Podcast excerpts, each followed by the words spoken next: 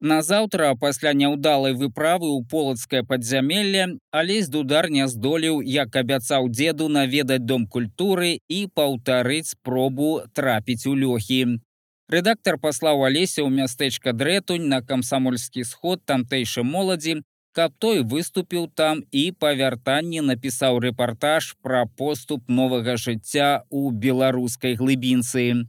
Тудара спачатку гэтая нечаканая камандыроўка разлавала. Ён палову ночы разважаў пра ўчорашняе здарэнне. А калі нарэшце заснуў, яму трызніліся ўсялякія фантастычныя прыгоды, то яго пераймалі ў тых лёхах дзіўныя людзі, якія так прыгожа гаварылі па-беларуску, што дудар нават у сне адчуваў, як па спіне бегаюць мурашы захаплення. То снілася, што ён адшукаў падзямеллі таямнічы пакой, падобны да бібліятэчнага. У гэтым пакоі было столькі старажытных кніг у прыгожых скураных вокладках, што здавалася яны сабраныя тут з усяго свету. Дудар цягнуўся рукой, каб узяць одну кнігу і трывожна, як падчас хваробы прачынаўся. Зноў засынаў і зноў яму сніўся таямнічы лёг. Зноў трызніліся дзіўныя гукі, якія ён учора чуў там, под домам культуры імя Леніна. Таму з раніцы алесь толькі і думаў аб тым, як дачакацца вечару і скіравацца праз плошчу да былых езуіцкіх муроў, а тут ехаць у нейкую глухмень, ды яшчэ на два дні, бо сход адбудзецца ўвечары, таму прыйдзецца там пераначаваць.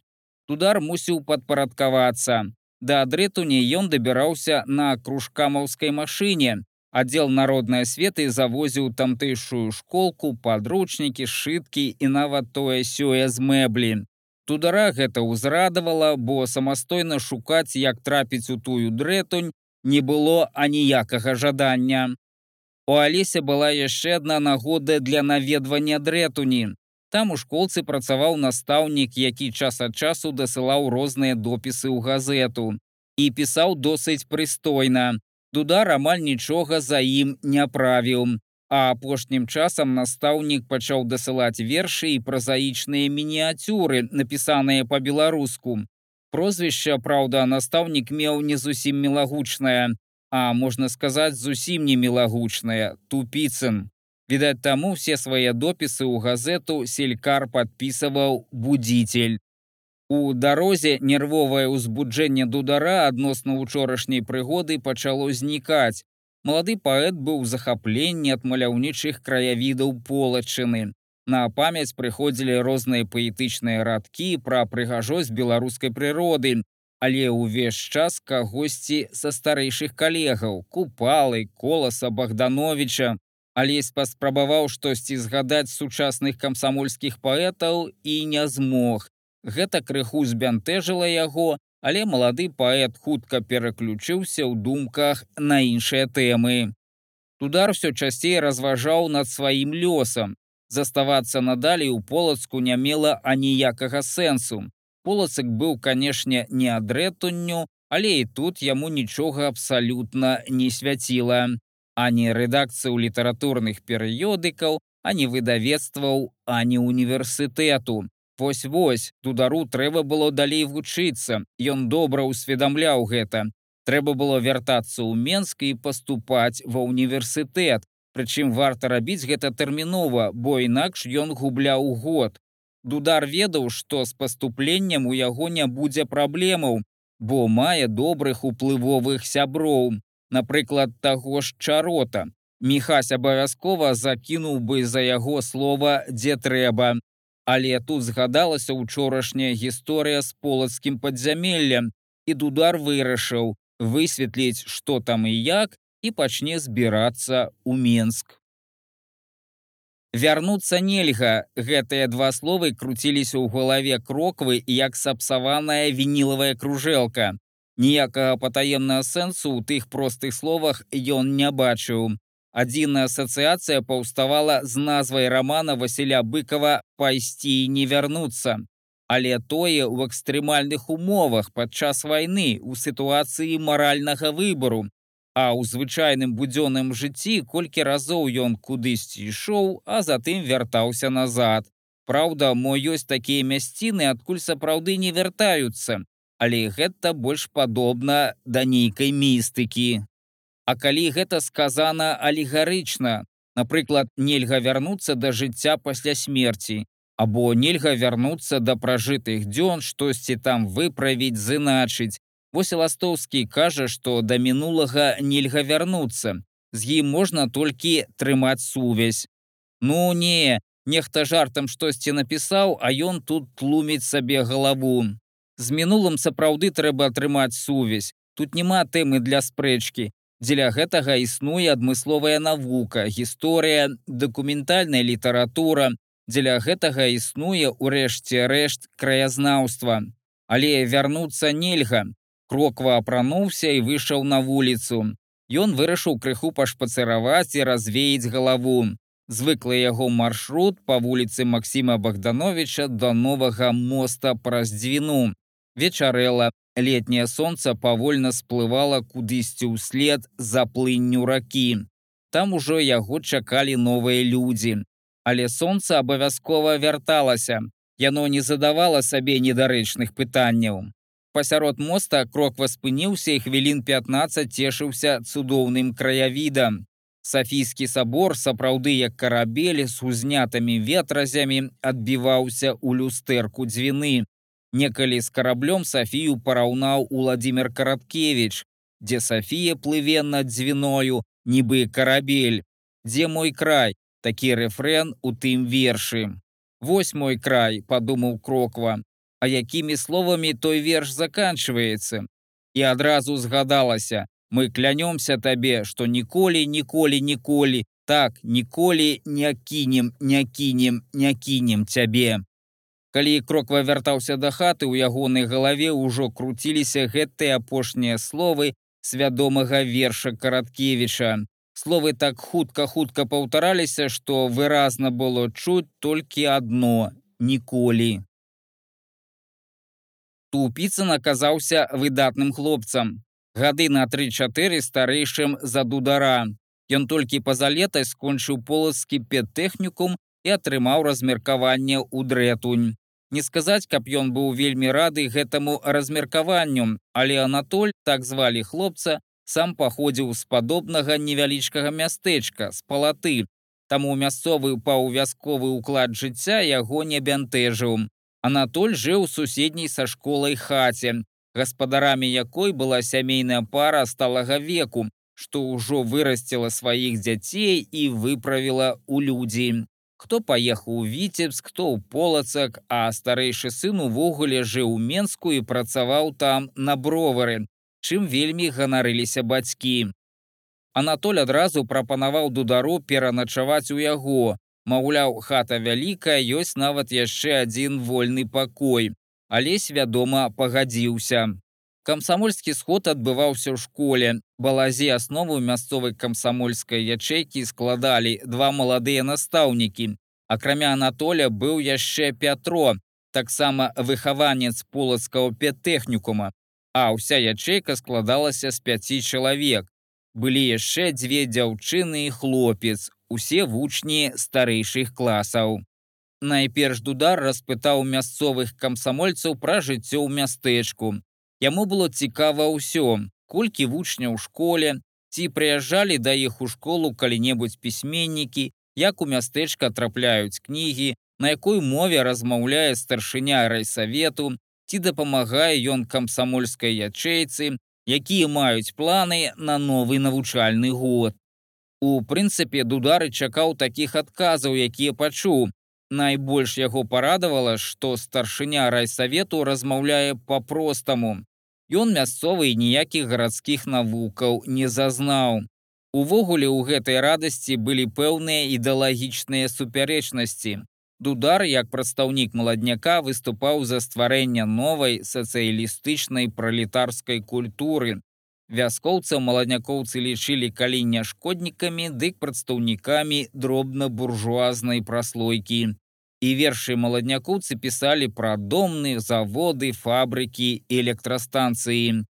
Той, хто пісаў пра вёску і нават пра вясковыя гаспадарчыя клопаты, падпадаў пад жорсткую маладнякоўскую крытыку.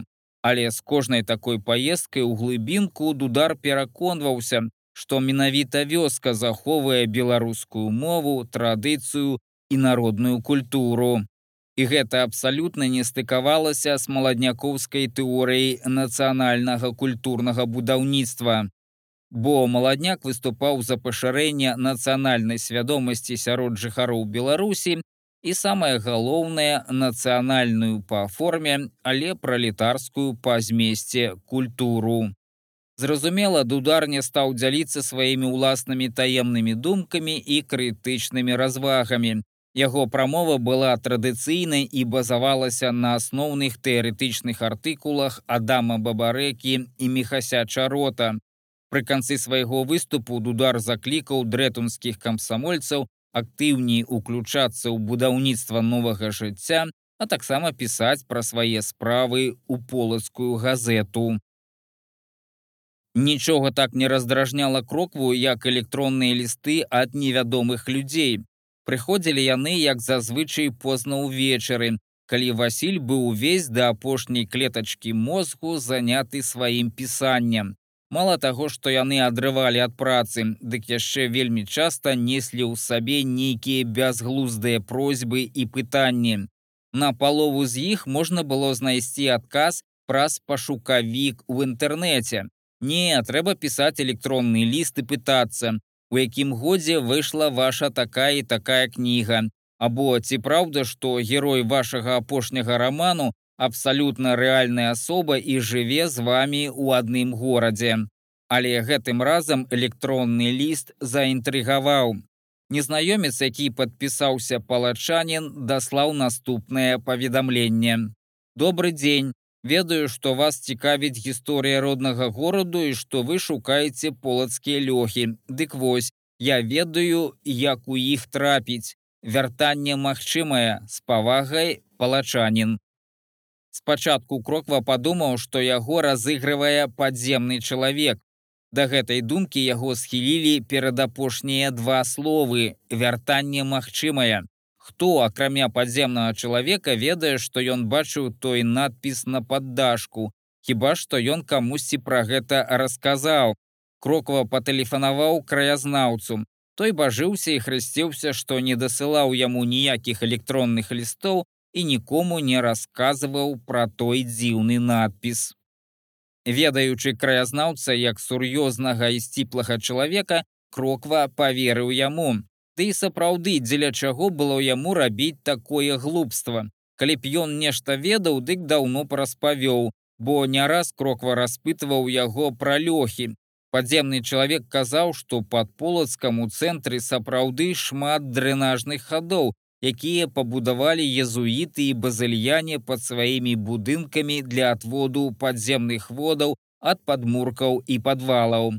Але нічога там няма, усе яны даўно паўразбураны, а на пачатку два стагоддзя мясцовая дзятва дзясяткі разоў аблазіла іх і не знайшла нічога цікавага.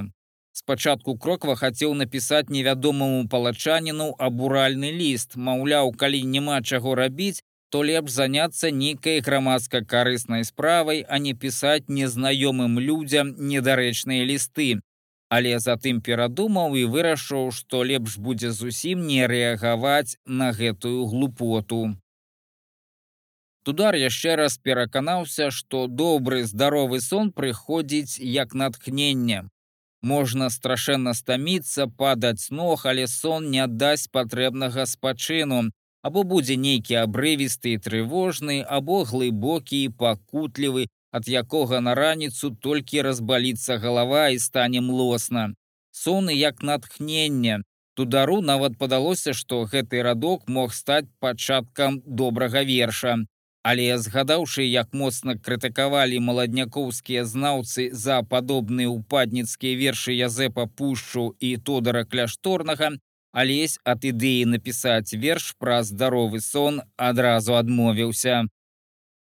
Тудару кепска спалася ў дрэтуні, і гэтаму кепскаму сну не было ніякага тлумачэння. Увогуле алесь застаўся задаволены ад паездкі. І тутэйшыя людзі яму падаліся сімпатычнымі, і Анатоль Тупіца напісаў заяву ў полацкую філію маладняка. і мясцовая камсамольская ячэйка яму падалася перспектыўнай і перадусім нацыянальна арыентаванай. Все чальцы суполкі добра размаўлялі па-беларуску і пагаджаліся з дударовым тэзісам, што без беларускай мовы немагчыма збудаваць сапраўдную народную сацыялістычную Беларусь. Усё было добра, толькі нейкая ўнутраная трывога, якая закралася ў сэрца маладога паэта, трымала яго ў напружанні, нібыта ў чаканні нечага непрыемнага. Сам дудар патлумачыў сабе гэты стан як разгубленасць перад будучыні. Трэба пачынаць новы этап жыцця, вяртацца ў Менск, паступаць ва ўніверсітэт, а гэта клопаты, клопаты, клопаты. Перад сном дудар і будзіцель пасядзелі на лавачцы перад хатай, у якой кватараваў Анатоль. Амаль дзве гадзіны яны размаўлялі. Тудар апавядаў пра маладнякоўскія падзеі, пра сваіх літаратурных сяброў, пра планы полацкай філіі маладняка. Будзіцель пра сваю вучобу ў педтэхнікуме, пра дрэтунскія будні. Дудар намаўляў будзіцеля таксама падавацца ў Менск ва ўніверсітэт па навуку, пакуль малады і не мае сям'і. Все ў гэтым свеце досыць умоўна і навука таксама неяк загадкава адказаў Анатоль на прапанову полацкага госця. Што ты маеш на ўвазе? Дудар нават разгубіўся, пачуўшы такі адказ. Вунь бачыш на небе тую вялікую чырвоную зорку. Гэта Марс. І там таксама можа быць жыццё. Але ўся іхняя навука будзе зусім іншая, уяўляеш, Я не маю на ўвазе нейкія гуманітарныя навукі, але і такія, як фізіка або хімія, іншыя хімічныя элементы, іншыя законы прыроды. Дудар уважліва паглядзеў на новага сябра, затым пачаў углядацца ў зорку Марс. І ты думаеш, што там сапраўды можа быць разумнае жыццё? праз нейкі час прамовіў алесь.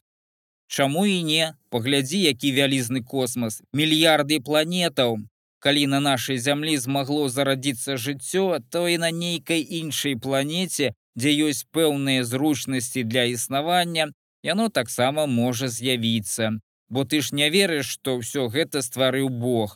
І якое яно можа быць? Баюся, што зусім да нас непадобнае, чужое, а можа нават і варожае. І ты хочаш сказаць, што пры сустрэчы можа нас знішчыць? Усё можа быць, чужая душа пацёмкі, а істоты з чужой планеты тым больш варта з чужым жыць на адлегласці. Хлопцы нейкі час маўчалі. Тудар углядаўся ў трывожную чырвоную зорку. Уночы полацкі госць кепска спаў. Яму сніліся чужыя страшныя істоты з марсу. Нейкі час кроква забыўся на ўсе свае апошнія прыгоды навалілася журналісцкая праца. Затым пачаліся розныя юбілеі, спадарожныя і мерапрыемствы. Кроква ў адных удзельнічаў пра іншыя пісаў. Найбольш яго ўсхвалявала сціплае адзначэнне 190годдзя славутага мастака Івана Хруцкага. У полацку ўвогуле гэтую дату праігнаравалі. Кроква не мог на тое не адрэагаваць. Сёлета беларускі мастацкі свет адзначае 190годдзя мастака Івана Хруцкага. І трэба сказаць, адзначае вельмі сціпла. Вядома, 190 год не такі ўжо і круглы юбілей, але ўсё адно зручная нагода, каб згадаць добрым словам выбітнага майстра пензля. Нарадзіўся мастак у 1810 годзе ў сям'і уніяцкага святара з мястэчка Ула, цяпер бешанковічска раёну. Першапачатковую адукацыю атрымаў у полацкім піярскім ліцэі, які пераняў навучальную базу езуітаў, калі царскія ўлады зачынілі полацкую езуіцкую акадэмію. Затым хрускі вучыўся ў пецярбургскай акадэміі мастацтваў.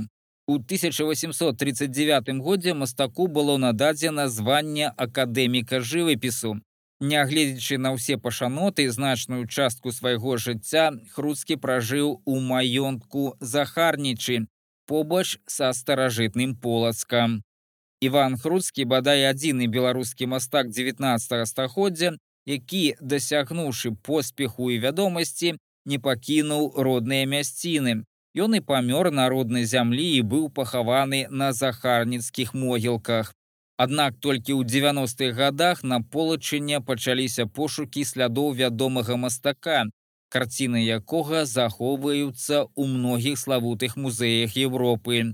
З дапамогай праўнучкі хруцкага кіеўскай мастачкі ядзвігі маціеўскай яе дзяцінства прайшло ў захарнічах, удалося адшукаць магілу славутага партрэтыста і майстра нацюрморту.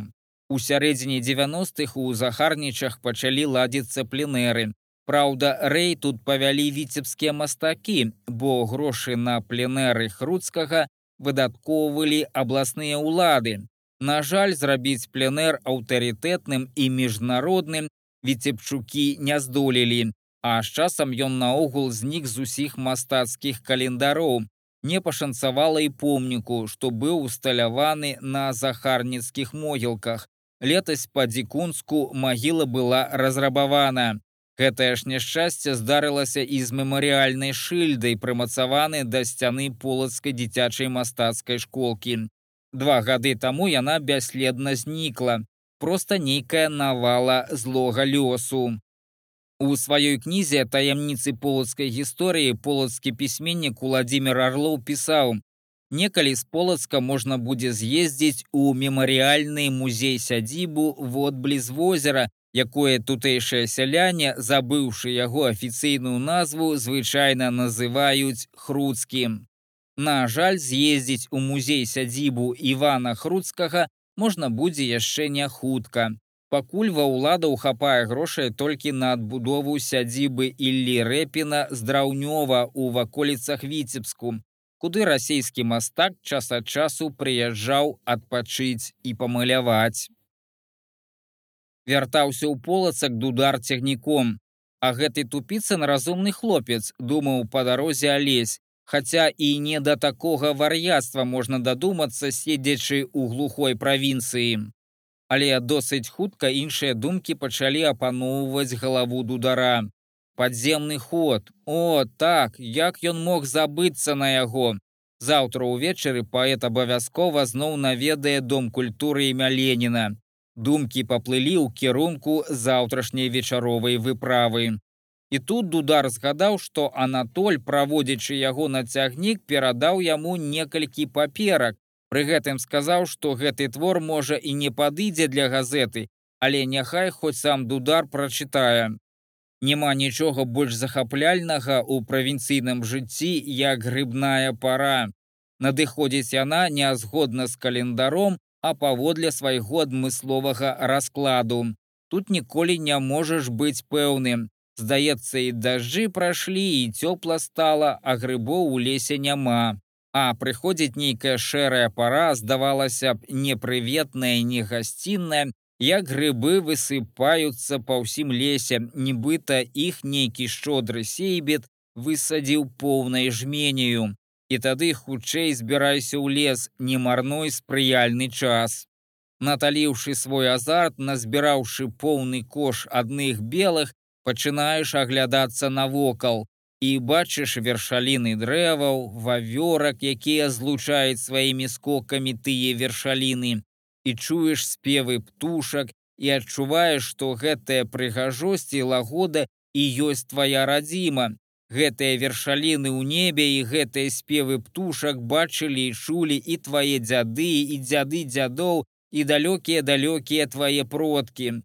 У гэтым ёсць нейкая сапраўднасць, нейкі код, запісаны ў абрысах дрэваў і ў гуках песень. І ты вяртаешся ва ўсё гэтае спадчынае і дзедзічнае. Ды і сканчваецца лес, выходзіш на дарогу дадому і разумееш, што гэта не вяртанне, а толькі назіранне ў вакенца у шчылінку. Вяртанне немагчымае, думаеш ты, але сувязь з гэтым павінна быць нейкім пачуццём, нейкім рухам падобным да пульсу ля скроні. Вяртаешся дадому, бярэш томік любімых вершаў і чытаеш, і ўсё разумееш інакш, і гэтая песня ў душы гучыць надалей, застаецца, то мацнее, то амаль сыходзіць пад лёд тваіх жыццёвых клопатаў. але зноў вырываецца вонкі і гучыць гучыць. Вяртанне немагчымае, але магчыма все гэта захоўваць у сэрцы і мець заўжды з сабой. Дудар прачытаў тры разы запар караценькае апавяданне будзіцеля. Спачатку нават і не ведаў, як на гэта адрэагаваць. Нібыта ніякай крамолы ў гэтых лічаных сказах не было. Аўтар напісаў пра тое, як хадзіў у грыбы і як яго натхніла прырода родных мясцінаў. Але ў ягоных радках было штосьці крамольнае.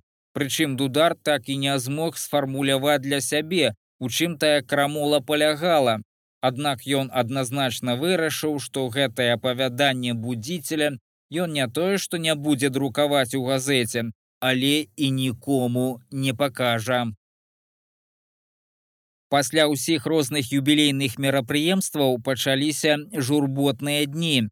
Адзін за адным пачалі паміраць полацкія ветэраны беларускага руху. Пасля пахавання Паўла бурдыкі аптымістычнага чалавека, які не здаваўся хваробе да канца, Васіль Кроква запісаў у сваім дзённіку. Учора ў полацку было холодна і журботна.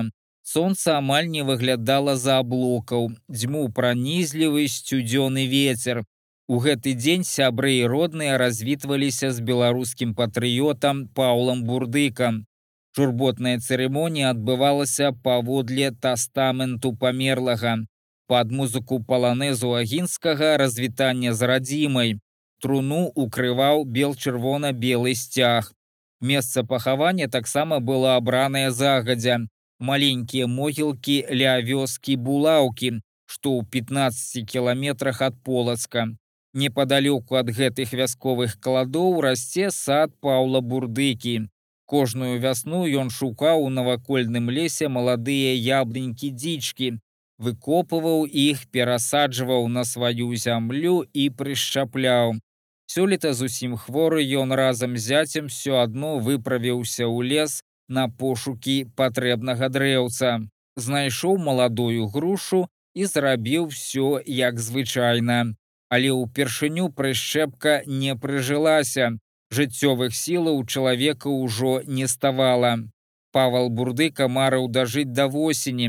Ён быў упэўнены, што восенню на Беларусі ўсё павернецца да лепшага. Ён вельмі любіў сваю Беларусь.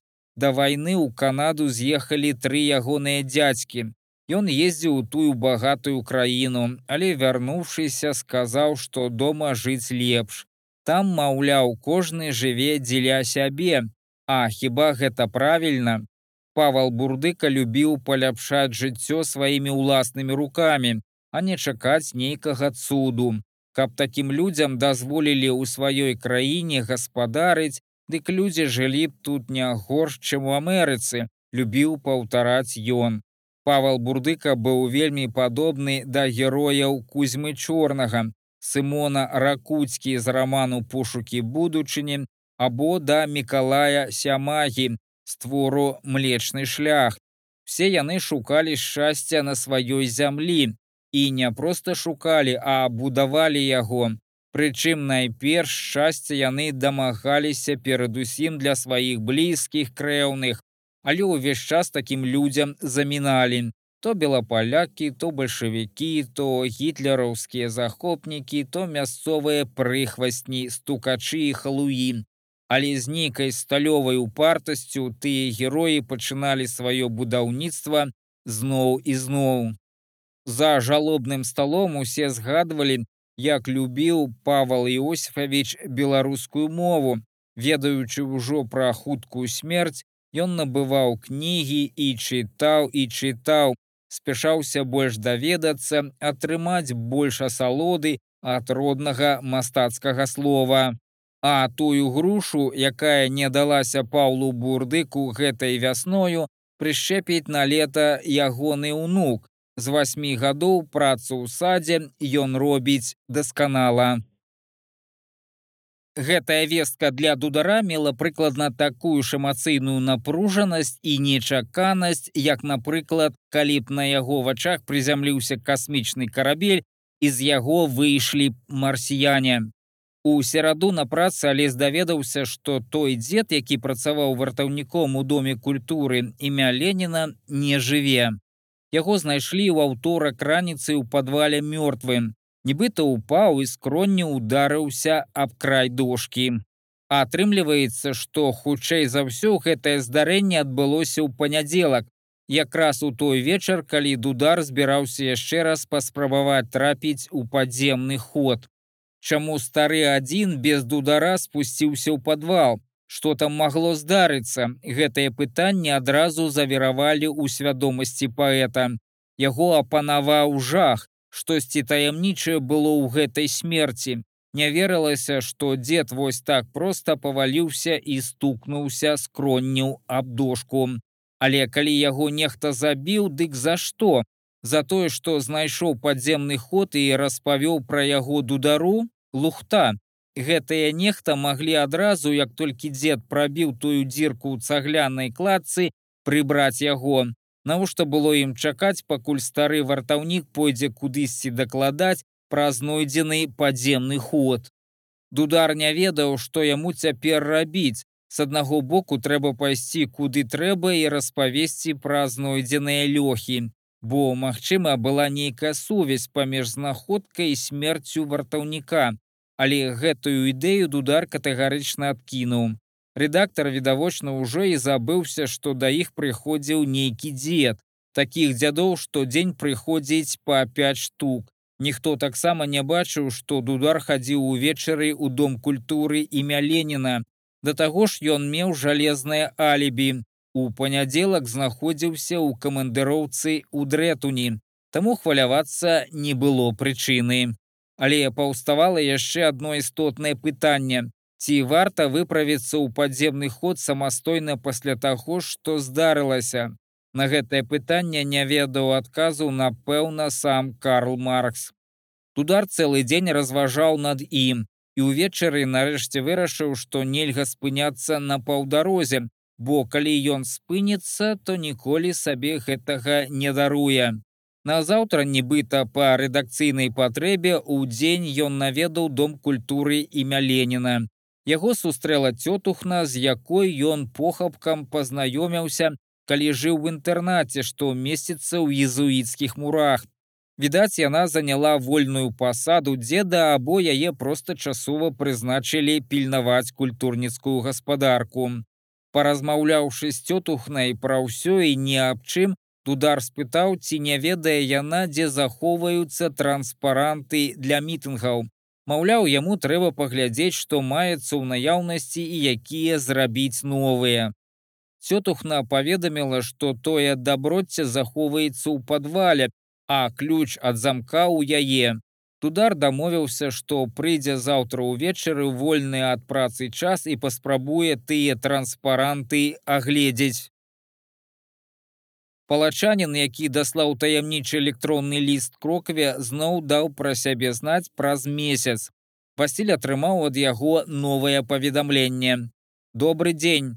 Вы, відаць, успрынялі мой ранейшы ліст за жарт, але я не жартую полацкія лёхі сапраўды існуюць, і я магу вам іх паказаць. Чакаю на ваш адказ. Вяртанне магчымае з павагай палачанін. Гэтым разам кроква паставіўся да паведамлення больш сур'ёзна. Прынамсі ён нічога не губляе, калі адкажа на гэты мэйл. І Васіль адгукнуўся. Вітаю палачанін, прызнаюся, што сапраўды ўспрыняў ваш першы ліст за жарт але улічваючы вашу настойлівасць вырашыў адказаць. Перадусім мяне цікавіць, чаму вы пішаце, што вяртанне магчымае, куды вяртання Васіль кроква.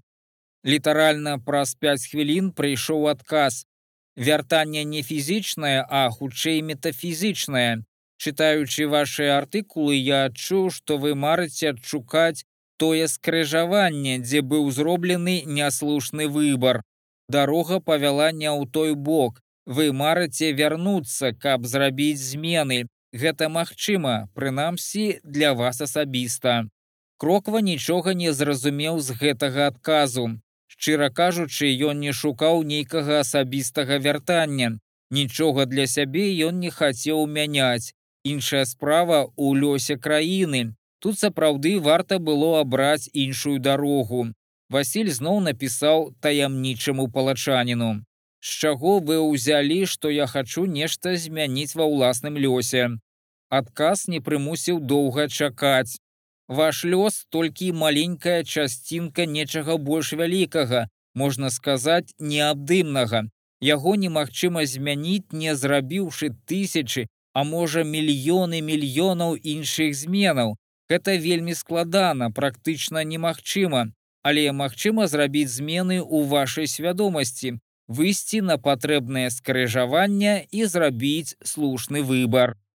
Гэты допіс расчараваў крокву. Было штосьці ў ім ад прымітыўнага шарлатанства і таннага чараўніцтва, пра якое бясконца разважаюць разумным выглядам у розных забаўляльна-містычных тэлеперадачах. Кроква на сваім журналісткім вяку ўжо неаднойчы сутыкаўся з магутнымі чараўнікамі, ведунамі і прарокамі. Насамрэч за мудрагелістымі словамі, як правіла, нічога рэальнага не стаяла. Васіль пачаў губляць цікавасць да таямнічага суразмоўцы, але карцела задаць яшчэ одно пытанне. А прычым тут полацкія лёхі, якая сувязь паміж лёхамі і вяртаннем. Кроква паспрабаваў прадказаць адказ, маўляў, лёхі гэта лучво з мінулым і па ім можна вярнуцца назад у часе, але адказ быў зусім іншага зместу. Лёхі гэта толькі шлях, але лёхі маюць бонусы, якія дазваляюць тым, хто іх знойдзе, здзейсніць маленькія чараўніцтвы.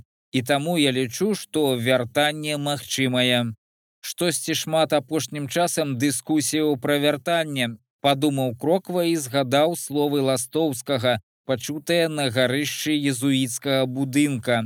І Васіль вырашыў здзівіць суразмоўцу. А вось Васлаў Ластоўскі лічыць, што вяртанне немагчымае, што мінулае заўсёды з табой, трэба толькі ўмець трымаць з ім сувязь. Пра гэта ён сказаў мне асабіста. Адказ крыху затрымаўся. Мы гаворым пра розныя вяртанні. Власт мае на ўвазе, што немагчыма змяніць сённяшняе праз мінулае. А я кажу, што магчыма зазірнуць у мінулае, вярнуцца ў часе, каб зрабіць для сябе слушны выбар ці слушную выснову. Крокву здзівіў не столькі сам сэнс адказу, колькі тое, што суразмоўца ніяк не адрэагаваў, што ластоўскі асабіста сказаў яму пра немагчымасць вяртання. Поластоўскі быў расстраляны ў 1938 годзе і таму не мог крокве нічога асабіста сказаць. Але навошта выснова і выбар, якія нічога не могуць змяніць рэальна. Крокве падалося, што гэтым пытаннем ён загнаў свайго разумнага суразмоўцу ў кут. Спачатку была думка, затым было слова, потым нарадзілася ўсё астатняе. Адказ спадабаўся крокве, і ён пагадзіўся на вандроўку ў лёхі. Я прымаю вашу прапанову. Прызначайце сустрэчу. У чацвер дудар з трывогай і хваляваннем чакаў, калі скончыцца дзень. Усе ягоныя думкі былі пра адно, пра лёхі. У невялікую палатняную сумку ён паклаў некалькі скрынак запалак, нататні, каловак і некалькі лучын на выпадак узнікнення праблем са святлом. Ліхтар кажан ён спадзяваўся атрымаць ад цётухнай ахоўніцы. Калі сонца пачало залаціць званіцы на саборы святого Стэфана, тудар падумаў, што пара збірацца. У гэты час ён ужо прыйшоў з працы на кватэру. Уладзік ляжаў на ложку і чытаў кнігу. Трэба было захаваць візыт у таямніцы і для свайго таварыша па працы і жытле. Тудар вырашыў згатаваць вячэру. Зрабіўшы самае простае на хуткую руку, алей запрасіў уладзіка да супольнага халасцяцкага стала. І што чытаеш? спытаў дудар у сябра. Сёння калега з віцебскай газеты перадаў навінку. Кузьма чорны срэбра жыцця вельмі мне падабаецца. Пакажы кнігу, попрасіў дудар, узяў яе ў руки і пачаў гартаць. Кузьма чорны наш маладняковец, таленавіты празаек. Я чытаў дзве яго ранейшыя кнігі на граніцы і апавяданні. то пакінь мне і гэтую пачытаць. Я ўжо амаль прачытаў, ты таксама можаш сёння за вечар расіліць. Не, сёння я заняты. Гулякевич хоча нешта мне паказаць, напісаў новыя вершы, мае патрэбу параіцца. Дамовіліся сёння сустрэцца ў камсамольскім клубе. Добра, я якраз тады не спяшаючыся дачытаю, а табе пакіну на заўтра, бо ўжо абяцаў некалькім хлопцам з педвучэльні. Яны пачакаюць, дамовіліся. Дудар хуценька павячэраў і пачаў апранацца. На вуліцы было амаль бязлюдна. Вечар паціху заліваў полацкія двары сваёй ліпучай смалой. Мінуўшы пляс дудар накіраваўся дадому культуры імя Леніна. Як і ў мінулы раз ён нягучна пагрукаў кулаком у дзверы. Затым яшчэ і яшчэ. Прайшлі хіба і 5 і 10 хвілінаў, але з адваротнага боку дзвярэй не было чутно ані гуку. Тудар ужо вырашыў вяртацца, як раптам дзверы адчыніліся і цётухна з ліхтаром у руцэ нарэшце паўстала перад ім.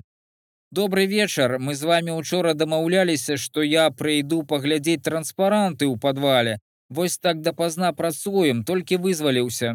Цётухна нетаропка абвяла яго падазроным поглядам, нібыта згадваючы, пра што яна учора дамаўлялася. Затым яе вусны кранула усмешка і яна нарэшце прамовіла. А, дык вы з газеты, так так памятаю, захадзілі учора. Прабачце, крыху прыспала, прытамілася сёння за дзень. Вітаю таварышу, Дык вы заходзьце. Цётухна вызваліла праход унутр і дудар зайшоў будынак. З прычынаў канспірацыі алесь не пытаўся пра ранейшага вартаўніка. У фае стаяў традыцыйны пах для памяшкання, у якім бывае шмат людзей, але ўсе пахі перабіваў тытунёвы затхлы смурод. То давайте я не буду марнаваць свой і ваш час. Адчыніце мне дзверы ў падвал і попрашу ваш ліхтар. Тудар імкнуўся суняць хвалявання, але гэта не зусім у яго атрымлівалася, таму не варта было далей працягваць размову з вартаўніцай. Цётухна паклыпала да дзвярэй у падвал, адамкнула замок і дзверы з рыпам адчыніліся. Як у апраметную падумаў камсамолец дудар. Алесь спусціўся па знаёмых прыступках у падвал. Тут нібыта нічога не змянілася. Ты ж самыя барыкады з дошак, рэштак мэблі і старых транспарантаў. Недзе тут знайшлі нядаўна мёртвага дзеда, падумалася дудару і ён нервова пересмыкнуў плячыма. Ліхтар не асвятляў усё падвальнае памяшканне, але дазваляў больш-менш арыентавацца ў цемры і паспяхова адолеваць завалы. Нарэшце дудар дабраўся да патрэбнага кута, дзе пачынаўся падземны ход. Сцяна была заваленая дошкамі. Тудар паставіў на падлогу ліхтар і пачаў разбіраць перашкоду і якое было яго здзіўленне, калі разабраўшы завал, ён пабачыў перад сабою роўненькую цагляную сцяну. Дудар паднёс у сутыч да яе ліхтар і пачаў аглядацца. Свежай кладкі не было бачна. Кавалак сцяны выглядаў гэтаксама як суседнія. Тудар знайшоў на падлозе кавалак цэглы і пачаў прастукваць цагляную кладку. Гукі былі паўсюль аднолькава глухія. Ён паспрабаваў выбіць у сярэдзіне сцяны цагліну, але гэта ў яго не атрымалася. Малаці з усяе эмоцыі пакладцы не выпадала. Цётухна вартаўніца была крыху глухаватая, але не настолькі, каб не пачуць грукат. Можа, памыліўся з месцам, адкуль пачыналіся лёхі, падумаў дудар і пачаў даследаваць усе сцены падвала, але нідзе ніякай прабоіны не знайшоў. Што за чартаўшчына у голас прамовіў дудар, і па падзямеллі панеслася рэха. Іна, іна, іна.